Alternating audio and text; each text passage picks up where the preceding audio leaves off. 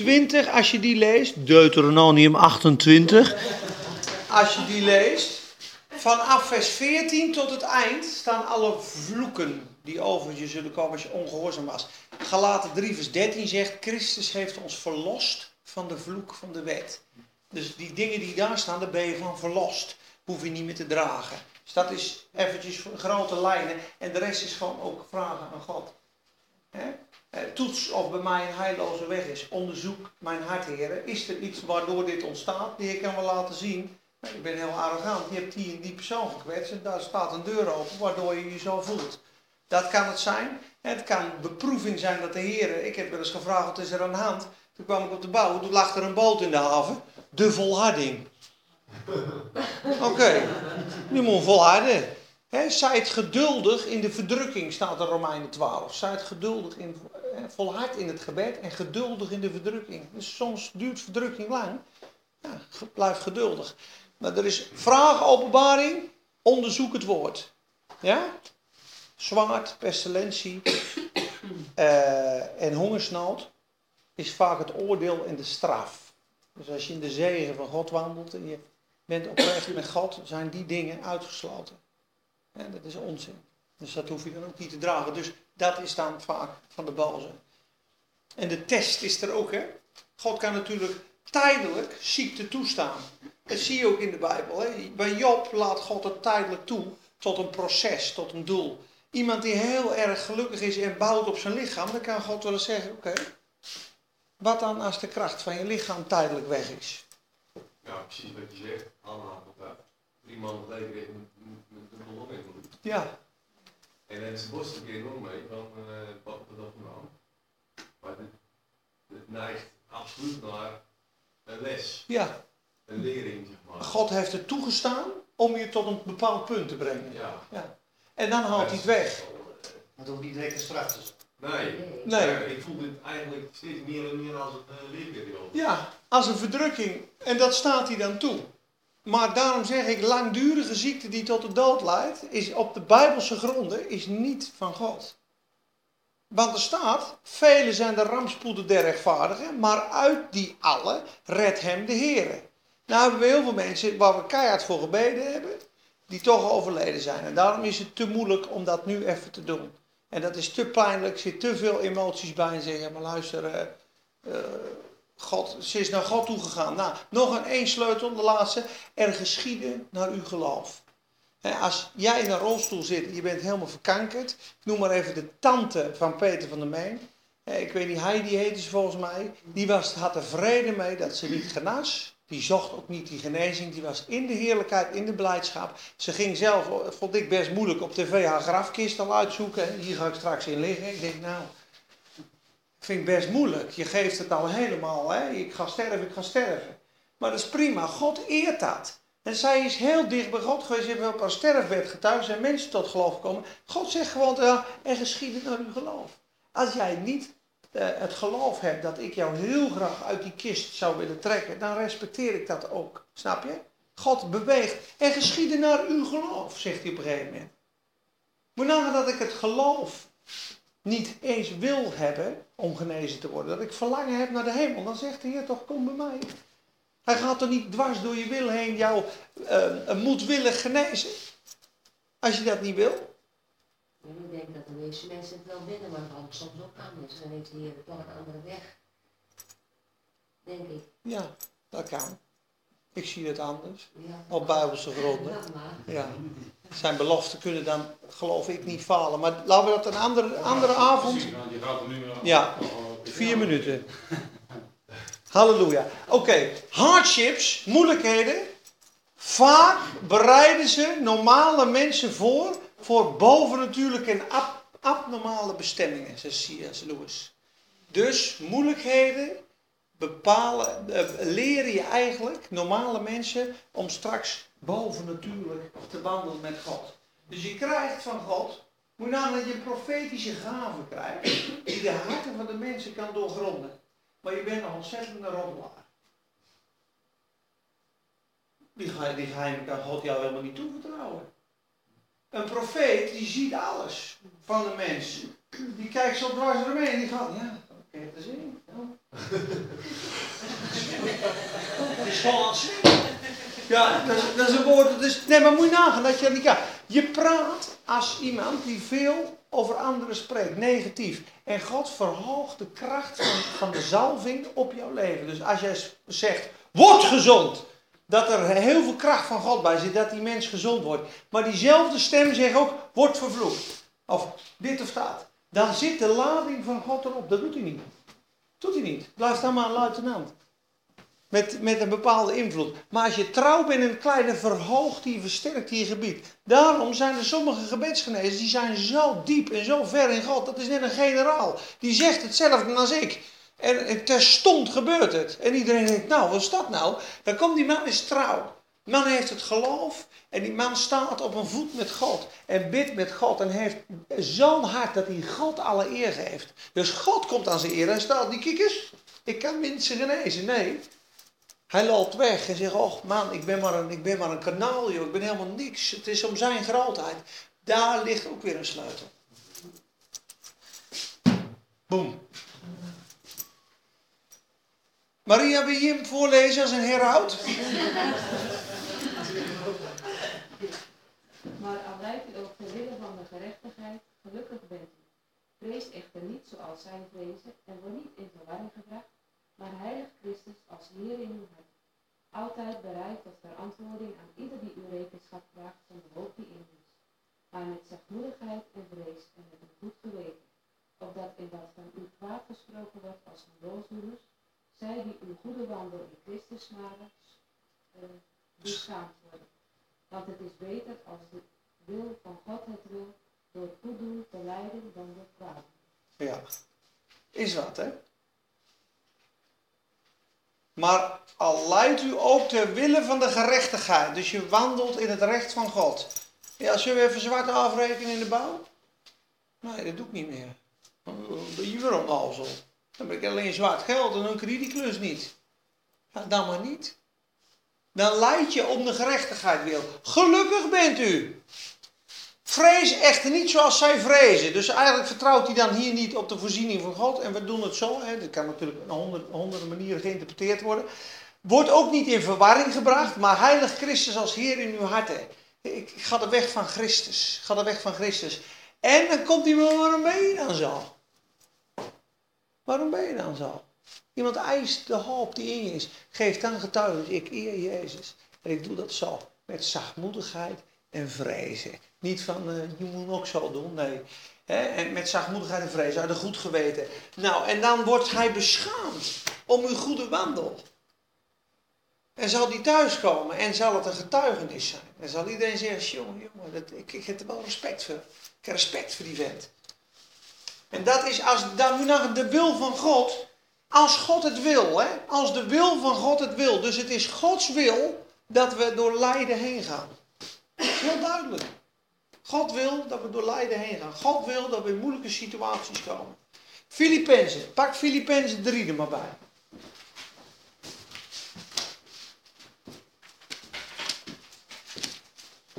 La la la la la. La la la la la la. la. Lekker vreugde. Vreugde. Zoek op de band, jongens. Vreugde tijdens het. Uh... Filippenzen 3. Kijk maar eens, beginnende in vers 8. Ja, beslist, ik beschouw ook alles als schade vanwege de voortreffelijkheid van de kennis van Christus Jezus mijn Heer, om wie ik dat alles als schade ervaren heb, alles wat ik wist. En ik beschouw het allemaal als vuilnis, opdat ik Christus mag winnen. En in Hem gevonden wordt, niet met mijn eigen rechtvaardigheid die uit de wet is, maar met die rechtvaardigheid die door het geloof in Christus is. Namelijk de rechtvaardigheid uit God, door middel van het geloof, opdat ik Hem mag kennen en de kracht van Zijn opstanding en de gemeenschap met zijn lijden. Doordat ik aan zijn dood gelijkvormig word. En dan zegt hij niet dat ik het al verkregen heb. En in vers 11, Om hoe dan ook te komen tot de opstanding uit de doden. Nou, dat is ook een echte sleutelvers over deel 2. Dat is een heel moeilijk vers, gaan we misschien ook ooit nog eens een keer over op. Dat is de, de eerste geheime opstanding, praat hierover. Hij zegt, ik heb het nog niet gegrepen. Nou, het gaat dus niet over zijn redding, want Paulus is al lang gered. Maar hij zegt, ik wil het gemeenschap van Gods lijden ervaren. Ik wil aan zijn dood gelijkvormig worden. Of ik enigszins mag komen tot de opstanding uit de doden. Welke opstanding uit de doden is dit? Dat is de eerste opstanding uit de doden van, van Openbaring 20. Zalig en heilig is hij die deel heeft in de eerste opstanding. Over zulke heeft de tweede dood geen macht. Zij zullen met, als koningen heersen met Christus duizend jaar. Duizend jaar. Ja, dus hij is trouw tot in de dood. Hij volgt het lam waar hij ook gaat. Niet dat ik het al gegrepen heb, zegt hij. Paulus was nog niet volmaakt. Of als ik al reeds volmaakt ben. Waarin? In de wil van God. Maar één ding doe ik. Ik vergeet wat achter mij is. Ik strek mij uit naar het doel. Naar de prijs van de hoge roeping in Christus Jezus. Of ik mag begrijpen waarom Christus mij uh, uitkost, staat er eigenlijk. Dat ik mag begrijpen waartoe ik van Christus gegrepen ben. Waarom mij? Waarom had je mij lief? Waarom stierf je voor mij aan het kruis? Dat, die diepe, diepe, diepe kennis van God door het gemeenschap en het lijden heen, daar was Paulus naar op zoek. En dan zegt hij ook, want, dit, want jij vroeg dat net van die ziel, en dat is heel duidelijk te lezen hier in Filippenzen. Ja, want hij zegt namelijk in, dit is dus uh, eigenlijk deel 2 van het christelijke leven, zal ik maar even zeggen. Ik jaag naar het doel, de prijs van de roeping, vers 14. Kijk, en dan zegt hij in vers 15, laten wij dan, die geestelijk volwassen zijn, dus het is een beetje volwassen onderwijs, deze gezindheid hebben. He, laten we hiermee bezig zijn. Als u nog iets anders gezind bent, of dit nog niet begrijpt eigenlijk, ook dat zal God u openbaren. Maar waar we hetzelfde in denken, laten we daarin verder gaan. Dus hij, dit is een moeilijk stuk, dat weet hij ook. Daarom schrijft hij, degenen die volwassen zijn, die, die weten dit. En anderen die dat nog niet begrijpen, dat gaat God je ook gewoon laten zien. En, het, en uh, we kwamen toen op het vers van 1 Petrus 1 vers 9, wat zij vroeg net, hè, wat betekent het nou, de redding van je ziel? Ik bedoel, je geest is gered. Je ziel is je, je denken, je willen en je voelen. En dat moet helemaal onder de heerschappij van de Heer Jezus komen. En daarom zegt 1 Petrus 1 vers 9, zegt, we ontvangen straks het einddoel van ons geloof, namelijk de zaligheid van onze ziel. Dat is de, dat is de volledige behoudenis. Dat is een beetje eh, waar het om gaat. Dus, we hebben loutering van je geloof, genade voor God, een zegen ontvangen we en ons getuigenis wordt heel krachtig. Na deze, Evelien, lees jij hem voor? Daar Christus dus in het vlees geleden heeft, zich ook met dezelfde gedachte wapenen. Want wie in het vlees lijdt, heeft afgedaan met de zonde. Om de overige tijd in het vlees niet meer te leven naar de begeerte van de mensen, maar naar de wil van God. Zie je dat? Allemaal de wil van God, hè? Wie geleden heeft in het vlees, heeft opgehouden van de zonde. Dus die is allemaal nog met zijn eigen en zijn zonde bezig. En God laat hem daar op een gegeven moment in vastlopen en verdrukking. En op een gegeven moment is hij daar zo klaar mee dat hij in de wil van God terechtkomt. Snap je? En dat doet hij door de mensen om je heen. Christus heeft in het vlees geleden. Christus had geen zonde. Christus hoefde niet met de zonde te stoppen. dat, maar hij was door de mensen om hem heen, heeft hij gehoorzaamheid geleerd door de moeilijke mensen om hem heen. Hij heeft Judas moeten, zijn voeten moeten wassen. Een dief, een rover, die hem zou verraden. Hij heeft Petrus en die andere, hoe heette die drie? Dat die beginnen zeggen, hoe lang moet ik u nog verdragen? Ongelooflijk geslacht. Hij zuchtte zwaar in zijn geest toen ze een teken verzochten. Jezus heeft het echt wel moeilijk gehad met heel veel mensen om hem heen. Hij was natuurlijk, uh, hij, ze zeggen zelfs, hij heeft de boom geschapen waaruit het hout uh, gezaagd is, waar hij ooit aan zou komen. Hij heeft de kracht gegeven aan de zweep van degene die hem sloegen, de adem. Hij, wist, hij kon ze allemaal verschroeien in een ogenblik, maar dat deed het niet. En dit is dus waarom wij ook lijden, om ons in de wil van God te brengen. Dat komt eigenlijk telkens terug. En dit is ook een hele mooie, het gekruisigde leven had hij weer. Het gekruisigde leven is het opstandingsleven. En dit is, als we dit allemaal leren, worden we de meest gelukkige, stralende christenen die er zijn. Want dit is, dat opstandingsleven is het meest heerlijke leven wat er is. Maar de prijs is een gekruisigd leven. Heeft de doop hier nog iets mee te maken? De volwassen doop?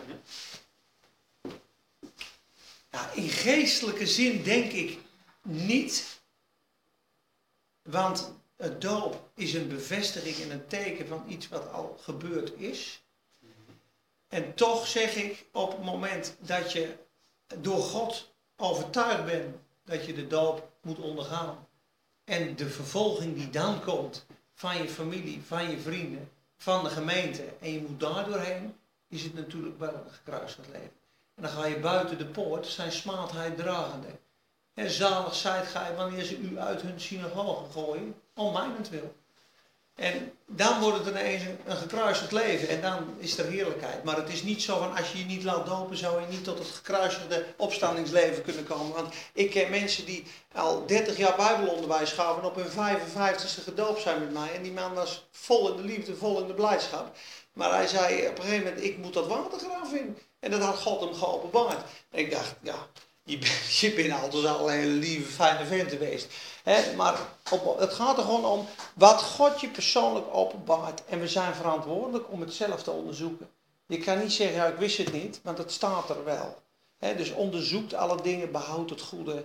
En op het moment dat God je iets laat zien, moet je hem gewoon gehoorzamen. Kosten wat kost.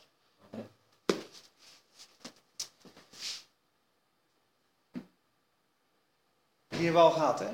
Hoewel hij de zoon was, de gehoorzaamheid geleerd uit wat hij geleden heeft. Dit is een hele mooie ook. Reinier Zeil, de Heer oud. Geliefden, laat het vuurgloed in uw midden die tot uw beproeving dient. U niet bevreemden alsof u iets vreemds overkwam. Maar naarmate u deel hebt aan het lijden van Christus. Verblijd u. Opdat u zich ook verblijdt met de vreugde, vreugdegejuich bij de openbaring van zijn heerlijkheid. Als u in de naam van Christus smaad leidt, bent u gelukkig omdat u de geest van de heerlijkheid en de kracht en die van God op u rust. Ja. Dus eigenlijk, als je gesmaad en geleid voor Jezus wil, is het een bewijs dat de heerlijkheid van Gods geest, de kracht van Gods geest en de geest van God op u rust. Dus je bent gelukkig. En daarom komt bij dat vers, Nienke is nu weg. Ik weet niet of ik hem erbij heb gezet van Jacobus. Even kijken, ja, kijk. Jacobus, acht het voor enkel vreugde, mijn broeders, wanneer u in allerlei verzoekingen valt. Die heb ik vergeten in te tikken. Daar u weet dat de beproefdheid van uw geloof volharding bewerkt. Laat de volharding echter een volmaakt werk hebben. Laat het toe. Verdraag het geduldig. Opdat u volmaakt en volkomen bent. Waarin? Volmaakt en volkomen? In de wil van God. Vroeger dacht ik altijd, wat bedoelt hij nou? Ik ben volmaakt in Christus, ik ben een volmaakt kind van God en hier moet ik nog meer volmaakt en volkomen worden. Daar word ik toch helemaal niet goed van? Ben ik nog volmaakt of ben ik nog niet volmaakt? Moet ik nog, nog volmaakt worden of niet? Opdat u volmaakt en volkomen daar ben ik toch al? Nee, totdat iemand zei, in the will of God. En toen dacht ik, ah, nou snap ik hem. Terwijl het u aan niets ontbreekt, perseverance, volharding. En er staat ook in Romeinen 3, 5. Wat staat er? De, de, wij roemen nu ook in de verdrukkingen, wetende dat de verdrukking leidzaamheid werkt. En de leidzaamheid brengt volharding. En de volharding hoop. En de hoop maakt niet beschaamd, want de liefde van God is in ons hart uitgestort. Dus het is gigantisch uh, waardevol voor God als je lof prijst in verdrukkingen. Als je dankt, moet je de Bijbel zegt, gelukkig zijt u als u lijdt. Uh, uh, juicht met vreugde. Staat er, hè? De volharding. Nou, wat staat hier? Acht het voor enkel vreugde. Dat zegt hij heel vaak. Daarom heb ik het ook elke keer samen laten lezen. Ik ga eventjes helemaal door. Ik kan namelijk niet helemaal terug. Dan gaan we even naar die 2 Korinthe. Leuk, hè, zo'n woord. Prachtig. Kijk, gaan we even terug naar die. U bent gelukkig, verblijd u, verblijdt u. Dat komt telkens terug. Paulus in 2 Korinthe 12 zegt, ik, eh, ik, heb een, ik heb een welbehagen in noden, vervolgingen, smaadheden, slagen. Een welbehagen. Want als ik zwak ben, ben ik sterk. Omdat de, de geest van God dan op mij rust. Staat er. Volgens mij me hierna, hiernaast. Kijk. En dan bidt hij tot God, kan dit weg? Nee, mijn genade is, eh, wordt geopenbaard in zwakheid. Kijk, hij, mijn genade is u genoeg, want de kracht wordt in zwakheid volbracht. volbracht. Heel graag zal ik dus veel eer roemen in mijn zwakheden. Op de, kracht van Christus op mij woont. Wil je de kracht van God blijvende? Dat zegt hij in Petrus ook. De geest van de heerlijkheid en de, van kracht rust op u. Eigenlijk blijft op u, woont op u. Als je dus in een leven wil leven van kracht en overwinning, is het dus een leven van vervolging, moeilijkheid, zwakheid, moeilijk, moeite. Nou, dan denk je, ja, dit en dat. En Paulus heeft het eerst niet herkend. En daarom bad hij tot drie keer, Heer, kan dit van mij weggehaald worden? En toen heeft hij mij gezegd, mijn genade is u genoeg, want mijn kracht wordt geopenbaard in zwakheid. En toen is hij gestopt met drie keer. Toen denkt hij, wat? En toen dacht hij, man, daarom heb ik hem wel gevallen. In zwakheden. Dat is zijn hele denken is vernieuwd. Hij is er heel anders naar gaan kijken. In smaadheden, in noden, in vervolgingen, in benauwdheden voor Christus. Want wanneer ik zwak ben, ben ik sterk. Dus wij willen allemaal sterk zijn, maar God zegt je moet zwak zijn. En we bidden het weg en hij herkende het ook niet. En hij heeft er een welbehagen in. En als je zo kan reageren in geloof, dan ben je echt gegroeid. Want wij zijn allemaal een beetje kinderachtig als het moeilijk wordt. We beginnen allemaal een beetje te zemelen. Maar dit is puur wijsheid van God. Nee, niet zemelen, verheugen. Super, mooi, ik word zwak. God woont op me. God komt bij me blijven wonen. De heerlijkheid rust op me. Ik ben gelukzalig. Waarom denk je dat er dan staat aan het eind van Handelingen 5? Petrus, nu bij de raad weggegaan zijnde, verheugd dat zij smaadheid mochten lijden om zijn naam. Net een geesteld. Dan gingen ze jugen, slepen ze weg. Een rug vol met streamen voor Jezus. Vonden ze fantastisch. Want ze wisten, dat is heerlijkheid. Dat is glorie. Dat verheerlijkt God. Dat raak ik nooit meer kwijt. Die streamen gaan weg. Maar die streamen boven het God gezien. En het eert God. Want wat is het makkelijk prijs u Heer in goede tijden. Maar wat is het geloof van nodig om te prijzen in moeilijke tijden. En dan zegt God, jij vertrouwt mij. Dat geloof is mij waardevol. Dat eert mij. En ik zou zeggen, het blijft niet daarbij, want er komt de overwinning. En dat zegt hij zo mooi, want het, gaat, het is niet allemaal moeilijk. Want kijk, op een gegeven moment laat het u niet bevreemden als er iets vreemds overkwam. Maar naarmate u deel hebt aan het lijden van Christus, verblijdt u, opdat u zich ook verblijdt met vreugdegejuich bij de openbaring van zijn heerlijkheid. Na dat lijden komt altijd heerlijkheid. Na de moeilijkheid komt er een diepere laag van Christus. Komt er een rijkere vervulling met de Heilige Geest. Komt er een diepere kern ben je een warmer, krachtiger, rijker persoon. Ben je dieper in de wil van God. En de rijke zegen komt er aan alle kanten. Zullen de zegeningen je overvallen. En daar moet je gewoon aan vasthouden. En daarom nog een mooie tekst. En dan denk ik dat we zo stoppen. Want anders worden jullie helemaal knetter in je hoofd. Van zoveel teksten. Ja, dat maakt ook niet uit. Als je maar één of twee dingen kan meenemen in zo'n avond is dat geweldig. Al zou je maar één zin of één woord onthouden van deze avond.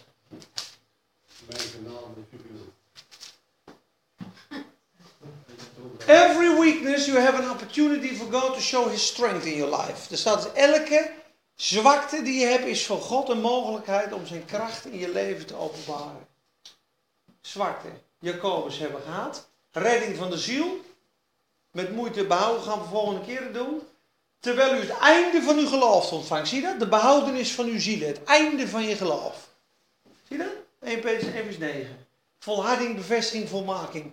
Kijk, die lezen we nog even voor. Wees nuchter, waakt. Uw tegenpartij, de duivel, gaat rond als een brullende leeuw. Op zoek wie hij zou kunnen verslinden. Wederstaat hem, standvastig in het geloof. Dus dit lijden moet je niet ondergaan. Daar u weet dat hetzelfde lijden aan uw broederschap in de wereld zich voltrekt. Dus hier gaat hij. Ja, de brullende leeuw wordt geïnterpreteerd vanuit Spreuken 19, vers 12. Het brullen van een leeuw. Nee, de woede van een koning staat daar, is als het brullen van een leeuw. De woede van een koning. Dus hier wordt de, de, uh, de, eigenlijk de, de, de, hoe zou ik het zeggen? Eigenlijk laat Petrus een beetje zien hoe de Satan uh, rondgaat. Er wordt een tip gegeven, een sluiertje wordt erop gedaan.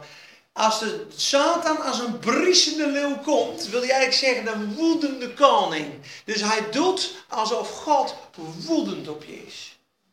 Dat is die leeuw. God is woedend op jou. Ik brul als een leeuw. En wat gebeurt er dan? God is woedend op me. Zie je wel? Dan ben je verslagen.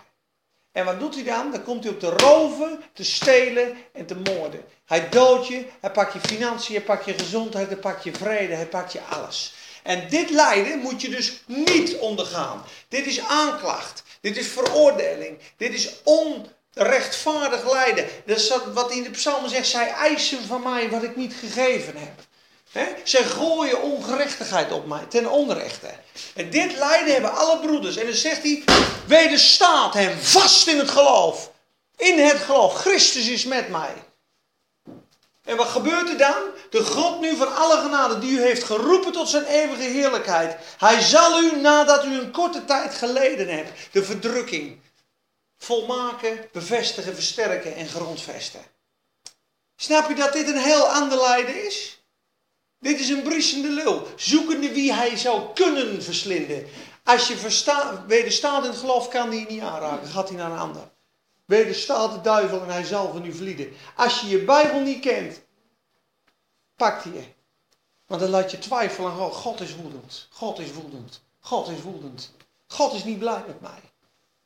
Dat is, want de liefde van God, daar beginnen we mee. De liefde van God is het fundament voor de verdrukkingen. Niets kan mij scheiden van die liefde van God. Daarom ben ik niet bang in de verdrukking. En dat moet als een paal staan. En zodra je daaraan twijfelt, ben je verslagen. Amen. Je ziel wordt behouden, je hebt ook geest. Je geest is behouden uit genade. Je ziel wordt behouden door moeilijkheden heen.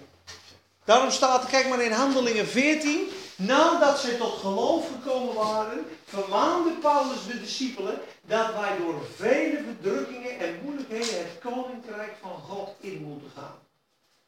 Dus dan zegt hij, wie mijn geboden doet en ze houdt zal groot zijn in het koninkrijk, maar wie mijn geboden afdoet en de kleinste van deze geboden afdoet en ze ook nog leert en onderwijs, dat hoeft niet, God zegt dat helemaal niet, zal klein zijn in het koninkrijk der hemel.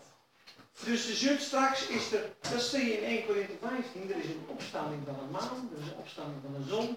Eén ster is meer in heerlijkheid dan de andere. Zo zal het ook zijn in de opstanding.